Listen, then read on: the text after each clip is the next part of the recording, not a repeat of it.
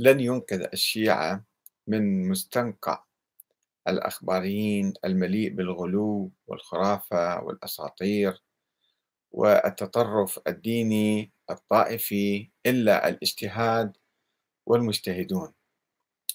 كتب إلي أحد الأخوة باسم بشير عبد. آه، ينتقدني يقول أنت لا تستطيع أن تفهم القرآن و يعني ما عدا الأخباريين فقط يفهمون القرآن وأي واحد غيرهم ما يقدر يفهم القرآن. ويهاجم آه، هذا الأخ بشير عبد الأخباري يهاجم علم الرجال. يقول آه، هل تستطيع أن تثبت لي كتب علم الرجال عن الشيعية؟ وحقك لا تستطيع لأنك إذا عرفت الحقيقة والمنهج الذي اتبعته في روايات الولادة فإن نفس المنهج يسقط يسقط كتب أو يسقط كتب الرجال. الذي تسموه أنتم وهو ليس بعلم وإنما جهل. فهل لك القدرة أن تثبت لنا كتب الرجال وأنها كتب رجالية فعلا؟ لماذا يهاجم الأخباريون علم الرجال؟ لأن لديهم كمية كبيرة من آه، التراث الدخيل المغالي المتطرف الخرافي الأسطوري المؤول للقرآن تأويلا تعسفيا وكل منسوب طبعا إلى أئمة أهل البيت إلى الإمام باكر والصادق وغيره. وهؤلاء الأخباريون يقولون ومنهم ومن ذلك من الأشياء اللي يتضمنها آه، التراث الأخباري مثلا تحريف القرآن. أن القرآن محرف والقرآن الصحيح موجود عند أهل البيت. وأحد لا يستطيع أن يفهم القرآن إلا أهل البيت وعبر أهل البيت. ويضرب لنا مثل الأخ مثلا يقول فأين أنت عن هذه الآيات؟ إني جاعل في الأرض خليفة أئمة يهدون بأمرنا لكل قوم هاد. مثلا هذه آيات قرآنية يؤولها الأخباريون بناء على أحاديث واردة عن أهل البيت بأن الخليفة يعني الإمام والأئمة يهدون بأمرنا يعني الأئمة. لكل قوم هاد يعني لكل جماعة لهم فد. هادي اللي هو إمام مثلا. آه، في الحقيقة يعني منذ أكثر من ألف عام آه، الشيعة وعوا آه، على هذا التراث الأخباري الموجود في كتاب الكافي مثلا. هذا هو مليء هم الأخباريون يتشبثون بهذا الكتاب كثيرا. ويقولون عنه أنه الإمام المهدي قال عن هذا الكتاب الكافي كاف لشيعتنا مثل أيها القاضي بقم قد عزلناك فقم. حسب القافية يعني هنا أيضا آه، الجماعة حسب القافية الكافي كافي لشيعتنا. آه، علماء الشيعة الذين أسسوا الفرقة الاثنى عشرية في القرن الرابع الخامس الهجري بدأوا يشكون بهذا التراث. بأحاديث الكافي وغير الكافي. آه، وبدأوا يعني يحاولون التأكد من الروايات. وأسسوا علما أطلقوا عليه اسم علم الرجال اللي هو معناته علم التحقق من الروايات. أنه هذا الراوي منو اللي يروي الرواية هذه؟ أول شيء لازم نعرف الراوي. حتى إحنا نقدر ناخذ الرواية عن أئمة أهل البيت اللي يفصلنا عنهم مثلا 100 200 300 سنة. فشلون إحنا نصدق بأي راوي يجينا وينقل لنا رواية وناخذها كأن هذا وحي منزل. آه، طبعا هذا التراث آه، التراث الأخباري موجود في نظرية الإمام الإلهية موجود في الولاية التكوينية الأئمة خلقوا الكون الأئمة يديرون الكون الأئمة الله خلقهم هم خلقوا العالم. آه، في أشياء نظريات مال حركات مغالية كثيرة. المفضلية الخطابية المغيرية البشيرية عشر حركات مغالية كانت في القرن الثاني والثالث الهجري في زمان الأئمة من أهل البيت. عشر حركات منهم السبعية مثلا في زمن الإمام علي.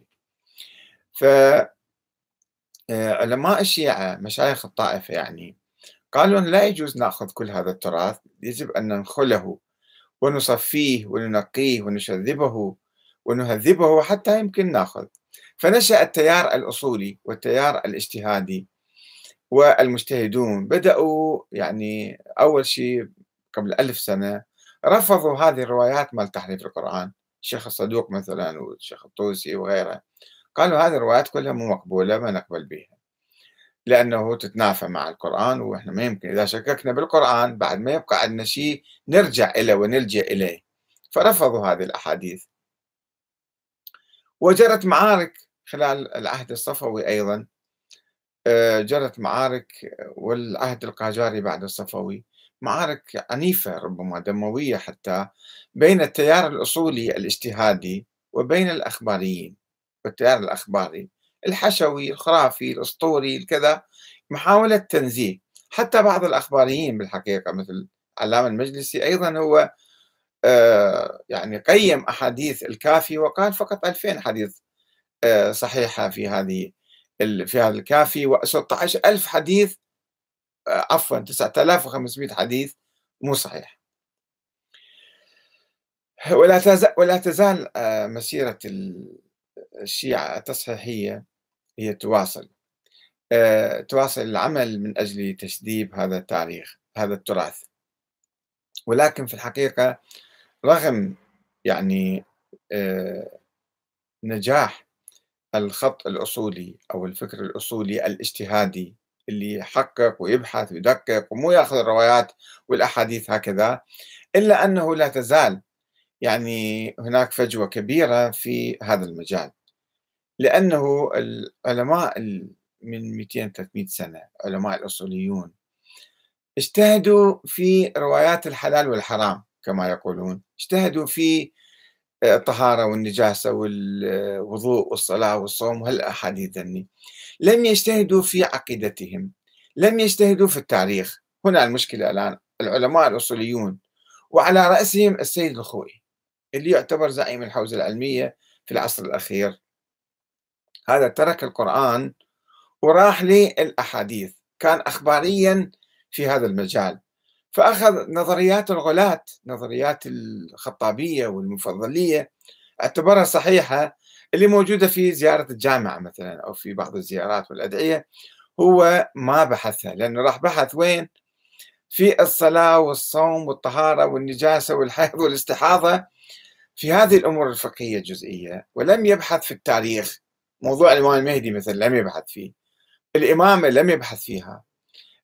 مكانة الأئمة لم يبحث فيهم فاعتبرهم هذول الأئمة هم الله خلقهم هم خلقوا العالم كله بعدين. وهذا عقائد كفرية شركية صريحة ولكن مرت على آه، كثير ممن يسمون بعلماء الأصول والمجتهدين. وهم في الحقيقة لم يجتهدوا في هذه المسائل المهمة الرئيسية التي تشكل قاعدة الدين. ما ما باحثين فيها.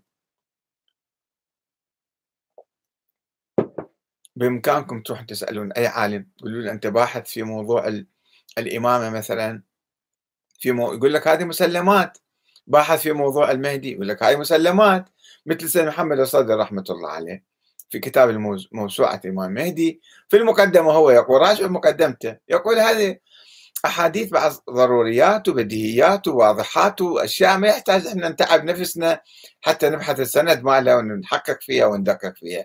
فش ما أكو أحاديث بالتراث قام يغرف ويحط بالكتاب ماله. ما ما اجتهد في هذا الموضوع. وهذا الاجتهاد في هذا الموضوع أهم شيء أهم من الاجتهاد بالفقه. لأن الفقه يطلع مخربط بعدين. إذا بني على أرض هشة وخفيفة ومو ماكنة يعني. وبقية المراجع نفس الشيء صدقوني. كل واحد كاتب على نفسه آية الله العظمى وكذا وشوفوا لما تجون على أبحاثه في هذه المجالات ما عنده بحث ما محقق ما ما مدقق ماشي بسرعة وعنده يروح يدرس علم أصول ويدرس مثلا كذا ولكنه لا يحقق في علم الرجال. فالمشكلة أنه جماعتنا كلهم صارين أخباريين. أخباريين خاصة في العقيدة والتاريخ. شوية مجتهدين في الأصول في الفقه في الفقه نعم في بعض المسائل الفقهية بعض المسائل أيضا وليس كل المسائل. مجتهدين محققين.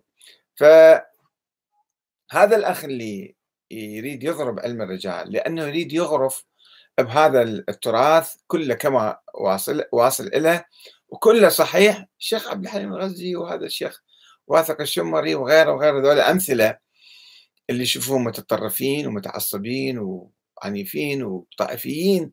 لماذا؟ لأنهم معتمدين على روايات خرافية وأسطورية ومو صحيحة. وروايات تحصر فهم القرآن بأهل البيت. أهل البيت ما موجودين الآن. الرواة عنهم فهم يأخذون الروايات الواردة عنهم ويعتبروها روايات هاي مسلمة. وبالتالي إحنا ما نقدر نفهم القرآن إلا عن طريق الرواة الغلاة الخطابية والمفضلية والمغيرية والسبائية وذول اللي يفهمون القرآن يصيرون. باسم أهل البيت.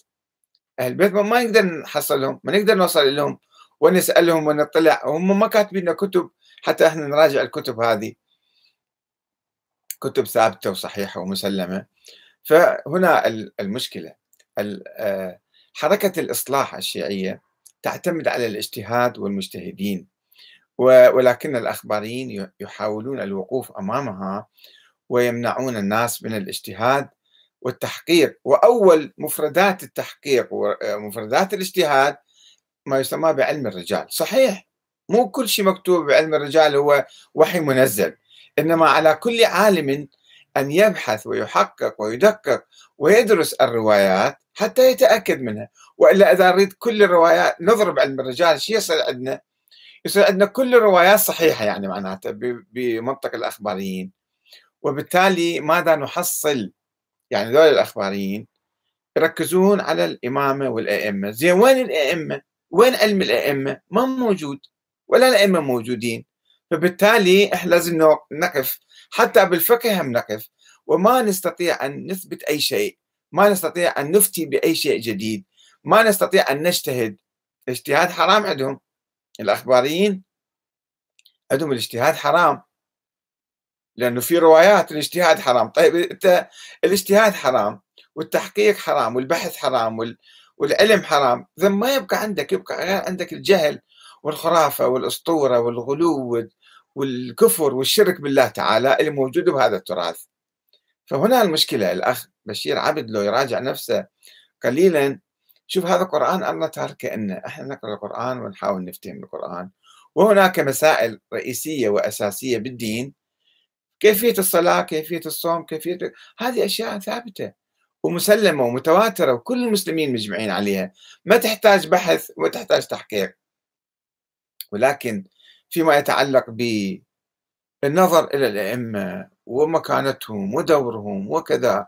هذه كلها مسائل خرافية أسطورية تسربت من الغلاة إلينا ولا بد أن نعتمد منهج التحقيق والبحث حتى نستطيع أن نصل إلى الحقيقة. ونعرض كل هذا التراث القرآن الكريم. مع الأسف ذول الأخباريين وعلى رأسهم من يسمى بالأصوليين أيضا اللي هم يعني معتقدين نفسهم أصوليين بس هم أخباريين أيضا.